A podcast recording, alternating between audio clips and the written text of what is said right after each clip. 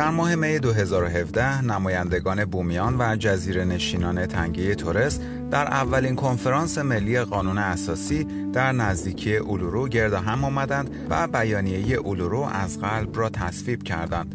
این بیانیه تغییری را در قانون اساسی استرالیا پیشنهاد می کند با به رسمیت شناختن نخستین مردمان استرالیا در قانون اساسی و راهی رو به جلو بر اساس حقیقت، عدالت و تعیین سرنوشت ما در کنفرانس ملی قانون اساسی دور هم جمع شده ایم و از تمام نقاط آسمان جنوب آمده ایم و این بیانیه را از قلب خود اعلام می کنیم.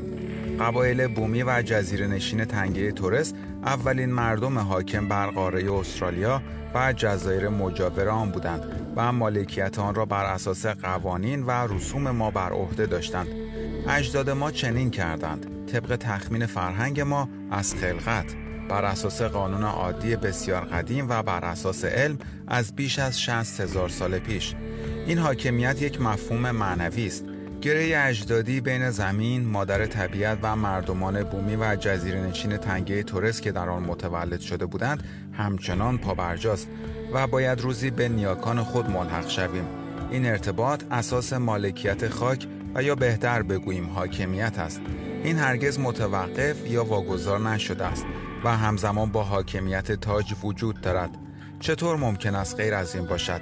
اینکه مردمان برای 60 هزار سال مالک یک سرزمین بوده باشند و این ارتباط مقدس فقط در طول دو قرن گذشته از تاریخ جهان حذف شود. با تغییر عمده قانون اساسی و اصلاحات ساختاری ما معتقدیم این حاکمیت باستانی می‌تواند به عنوان بیان کاملتری از ملیت استرالیا بدرخشد.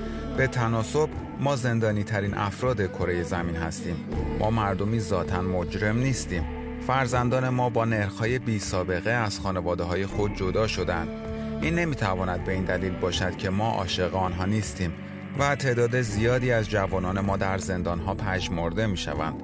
آنها باید امید ما برای آینده باشند. این ابعاد بحران ما به سادگی گویای ماهیت ساختاری مشکل ماست. این عذاب ناتوانی ماست. ما به دنبال اصلاحات قانون اساسی هستیم تا مردم خود را توانمند کنیم و جایگاه شایسته‌ای در کشور خود داشته باشیم. وقتی ما در مورد سرنوشت خود قدرت داشته باشیم، فرزندان ما شکوفا می شوند. آنها در دو جهان قدم خواهند زد و فرهنگ آنها هدیه‌ای برای کشورشان خواهد بود. ما خواهان تأسیس صدای نخستین مردمان در قانون اساسی هستیم. ماکاراتا اوج دستور کار ماست.